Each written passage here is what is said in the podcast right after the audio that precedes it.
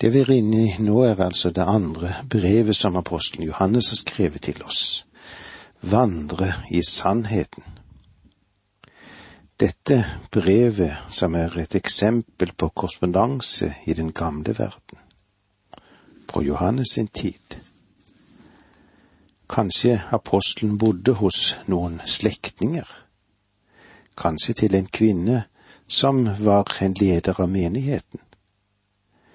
Brevets kjernepunkt er de to ordene kjærlighet og sannhet. Når Kristus er i oss, er vi ikke bare sanddrue, men vi erkjenner sannheten overalt hvor den forekommer. Ingenting kan stenge utsikten for den sanne og sannhetselskende person og sjel. Vær sann og vær kjærlig ja, da vil du arve nådens og fredens rikdommer. Kjærligheten, som vi vil si i dette avsnittet, kommer sterkt til uttrykk når vi dukker opp i det åttende verset. Den viser oss den sanne hyrdes innstilling. Hvis du ikke blir i Kristi lære, har du ikke Gud. Husk at kjærligheten kan være streng. Men så er det godt å vite at brevet åpenbarer styrken, renheten og kjærligheten i den første menighet. La oss skrive våre brev på en slik måte at de er vel verd å motta, og de er vel verd å oppbevare kjærligheten og sannheten. Det var en stor glede for meg å se at noen av dine barn lever i sannheten slik Faderen har befalt oss. Og så sier han videre, og dette er kjærligheten, at vi lever etter Hans bud. Dette bud har dere hørt fra begynnelsen, og det skal dere følge. I sitt første brev så skriver Johannes, slik viser det seg hvem som er Guds barn og hvem som er djevelens barn. Den som ikke lever rett og ikke elsker sin bror, han er ikke av Gud, står det i 1. Johannes 3,10. Denne rettferdighet er Kristus. Å fornekte Kristi guddom er sannelig ikke å gjøre rettferdighet. Sannheten er essensiell. Å ikke elske sin bror, det var det andre som er viktig. Å vandre eller lever i. Med dette andre ordet går vi til den andre siden av det kristne livets spektrum. Det er ikke bare sannheten som er vesentlig, men vandringen er òg vesentlig, og derfor blir vi bedt om å elske brødrene. Dette brevet vil derfor gi oss et balansert syn på, første, på det første brevet. Vår tids idé om kjærlighet og atter kjærlighet, hva er det for noe? At vi skal drysse dette ut uansett? Er det det Bibelen forteller oss? Den forståelsen finner jeg ikke igjen i Guds ord. Når Johannes taler om kjærlighet her, så gjør han det klart at dette er kjærligheten innenfor Guds familie. Dette må vi være meget omhyggelige med fordi mange tolker denne guddommelige kjærlighet, agape, på samme måte som de verserer med ordet seksuell kjærlighet eller sex. Det er en total misoppfatning av hva kjærlighetens begrep i Det nye testamentet inneholder. Denne kjærligheten innenfor Guds familie, den er det behov for for å vise i dag hvordan det fungerer i menigheten. Jeg tror at tiden er kommet for mange menigheter som har ord på seg for å være bibeltro, at de nå må vise kjærligheten mellom brødrene på en litt annen måte. Og jeg må si at jeg trenger det, ikke minst i mitt eget liv. For hvis jeg ikke tar feil, så kanskje du også trenger mer av denne kjærligheten i ditt liv. Hvordan er det med oss? Men denne kjærligheten må ikke flyte ut. Vi må være oppmerksomme på at den har grenser i Guds familie. Her dukker det opp en annen som driver med falsk lære. Som de gjorde det på Johannes sin tid, så kan det òg finne sted i vår tid. Han er en forfører. Han er faktisk en antikrist. Og hva var nå det? Jo, det vil si at han fornekter Kristi guddom. Og Johannes sier, når en av disse karene dukker opp, skal du ikke vise ham kjærlighet. Du skal ikke engang vise ham gjestfrihet.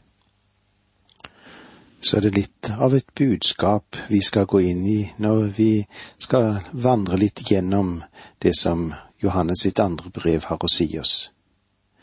Kjærlighet uttrykt innenfor sannhetens grenser, som vi vil se i de første seks versene. Kjærlighet i sannhet. Og fra vers syv til elleve, liv er et uttrykk for læren om Kristus Falsk lære fører til onde gjerninger. Og så har vi den personlige hilsen som vi da får fra vers 12 til 13. Falske lærere skal ikke tas imot av kristne, men sanne lærere skal bli tatt imot med glede. Det andre brevet til Johannes er viktig for oss. Budskapet som Johannes har i dette brevet er vesentlig for å få et riktig perspektiv på det han har sagt i det første brevet som han skrev til oss. Han tar her opp kristenlivets polaritet, sannhet og kjærlighet. Han besvarer spørsmålet når sannhet og kjærlighet kommer i konflikt, hvem skal da gå først? Hvem av dem skal ha topp prioritet. Kjærligheten, uttrykt innenfor sannhetens grense, kan vi vel sette som overskrift i det vi leser det første verset her i det andre brevet til Johannes. Den eldste hilser den utvalgte frue og hennes barn, som jeg elsker med en sann kjærlighet, ja, ikke bare jeg, men alle som har lært sannheten å kjenne. Det andre brevet til Johannes er et personlig brev. Fra den eldste til den utvalgte frue og hennes barn. Det greske ordet for eldste er presbyteros, presbiter, og det ordet har en tosidig mening. Det kan bety en eldre borger, og da henviser det til alder, eller så kan det være en tittel noe som henviser til en tjeneste i menigheten, en pastor eller til en lærer. Jeg føler meg ganske sikker på at Johannes primært kalte seg selv den eldste, og da talte han om sin tjeneste i menigheten. Og jeg tror at han også legger inn i dette begrepet det faktum at han nå er blitt en gammel, gammel mann. Ja, han er faktisk blitt omkring 90 år, og han er på vei mot de hundre. Ja, han er det når han holder på å skrive dette brevet. Legg merke til at Johannes ikke understreker sin tjeneste som en apostel. Og jeg tror at årsaken eller grunnen til dette er ganske åpenbare. De, de som han skriver til, aksepterer hans autoritet og derfor er det tilstrekkelig for ham å kalle seg selv for den eldste. Hilser den utvalgte frue og hennes barn. Ordet elekta, utvalgt, kan være navnet på en fremtredende kvinne i menigheten, eller så kunne det være selve den lokale menighet som Johannes har i tankene sine. Hennes barn kunne enten bety denne kvinnens barn bokstavelig talt, eller så kunne det være barna i menigheten, menighetens barn. Disse innledningsordene kan tolkes på begge måter. Jeg understreker menigheten fremfor et enkelt individ, der han henvender seg til menigheten som helhet. Også henvender han seg også til dagens kirke. Og dette er noe som vi vil stoppe opp for når vi møtes igjen neste gang. Men det var så langt vi kom i dag. Takk for nå, må Gud være med deg. Dette undervisningsprogrammet består av to deler. Åge Nevland fortsetter nå med andre del av dagens undervisning. Vi er i det andre brevet til Johannes, og vi er helt i begynnelsen av dette korte brevet som består bare av 13 vers. Og i det første verset her leser vi Den eldste hilser den utvalgte frue og hennes barn, som jeg elsker med en sann kjærlighet. Ja, ikke bare jeg, men alle som har lært sannheten å kjenne. Men alle som har lært sannheten å kjenne. Noe av dette budskapet er det Johannes vil fortelle oss. Også er det spørsmål hvordan dette skal mottas i våre sammenheng enten vi lever som enkeltmennesker eller om vi lever som menighet. Og når vi tenker på menighet eller kirke, så er det ikke slik at han tenker bare på en lokal menighet eller et kirkefast samfunn. Nei, da tenker jeg på det samlede legeme av troende i den Herre Jesus Kristus globalt. Dette brevet har en, et, et meget aktuelt budskap for Kirken gjennom alle hundre årene som den har eksistert. Og det som er skrevet her, det har hatt innvirkning på Kirkens liv, på menighetens liv, på de troendes liv. Jeg tror at siden vi i vår samtid legger sånn vekt på kjærlighet, så trenger vi dette lille brevet for å stramme opp lite grann, for å få et riktig perspektiv på hva kjærlighet virkelig er. Som jeg elsker med en sann kjærlighet. Ordet sann og sannhet blir sterkt understreket i dette brevet. Og det har jeg jo sagt i innledningen til dette brevet. Sannhet er nøkkelordet, som jeg har sagt i brevet. Kristen kjærlighet kan bare bli uttrykt innenfor rammen av Guds familie de som har sannheten. Sannheten her er Guds ord, og også den som er åpenbart i ordet, den Herre Jesus Kristus selv. Det er sannheten. Som jeg elsker i sannhet, det er den korrekte og bokstavelige oversettelsen. Johannes sier to ting her. Det første, og det må vi legge merke til, at målet for hans kjærlighet må bli en annen troende i Kristus, en ekte troende, og det andre, at han er fullstendig ærlig når han gir uttrykk for dette, at det uttrykket kjærlighet ikke er bare en form for klisjeer. Det er ikke det han skriver om her. Det er noe som er viktig, som jeg elsker i sannhet. Ja, ikke bare jeg, men alle som har lært sannheten å kjenne. Johannes, han favner alle andre troende her. De elsker også denne menigheten, eller denne bestemte kvinne i menigheten på grunn av hennes helt enestående vitnesbyrd. Vers to Vi gjør det fordi sannheten bor i oss og vil være med oss til evig tid. Vi gjør det fordi sannheten bor i oss, betyr et forsvar for sannheten. Og vi må være våkne for at sannheten trenger å forsvares. Vi må stå for Guds sannhet og for Guds ord. Mange, også av de såkalte konservative troende, de har etter hvert fått et svært så avrundet og plassert måte å forkynne sannheten på. De vil ikke stå uhildet frem og si tingene som de er, men de går rundt sannheten og forsøker å bygge opp kløktige formuleringer og sikre sin retrett om det skulle være nødvendig, De må få en vei, finne en vei ut av dette. Jeg er for å bruke omskrivning for å gjøre sannheten forstått, men poenget må allikevel være at sannheten må forkynnes, og den må nedfelles klart. Nå er jeg klinkende klar over at jeg selv sitter i et glasshus, og jeg kan stå i fare for å tilsløre sannheten. Ja, at denne faren finnes, der kjenner jeg dypt. Til mitt forsvar kan jeg bare få anføre to ting.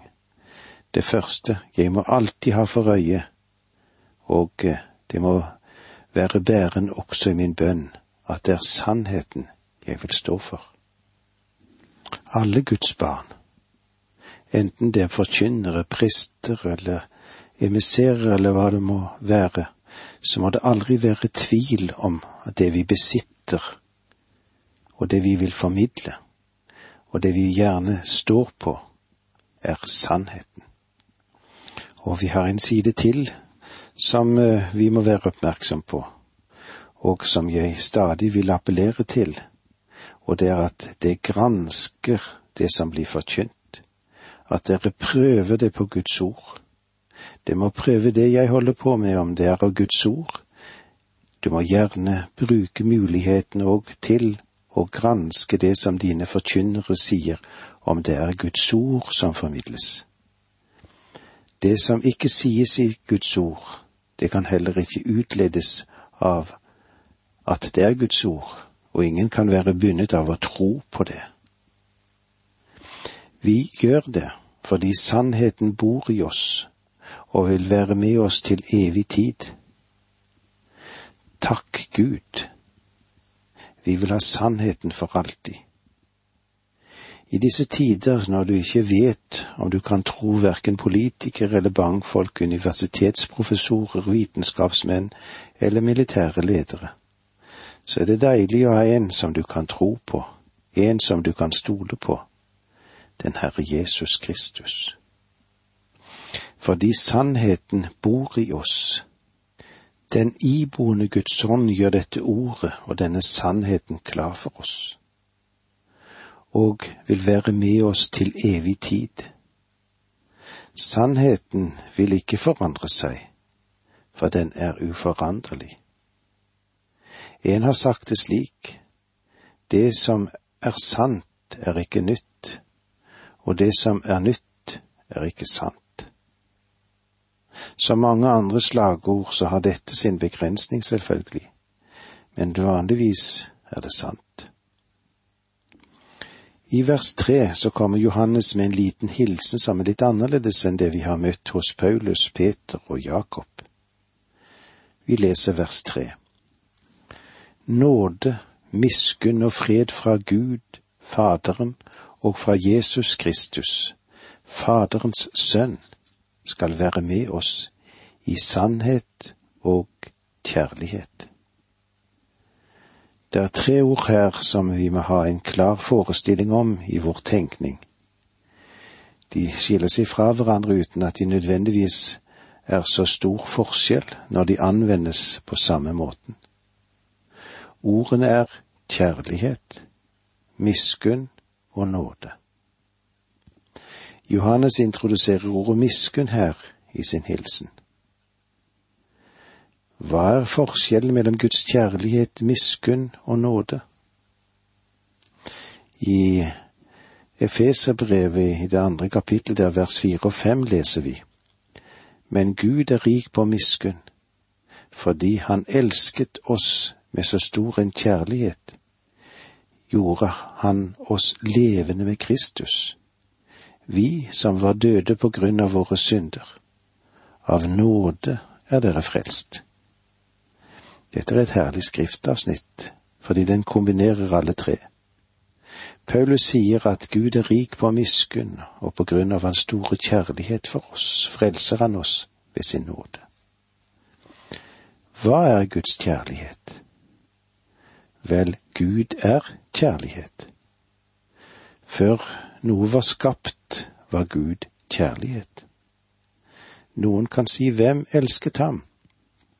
Vel, treenigheten eksisterte, og vi kjenner den kjærlighet som eksisterte mellom Gud Faderen og Gud Sønnen.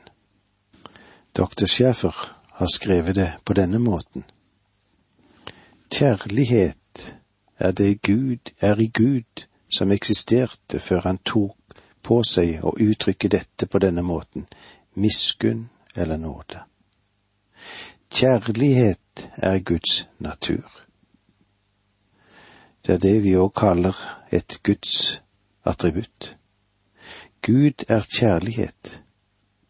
Men det interessante er at Guds kjærlighet aldri frelste en synder.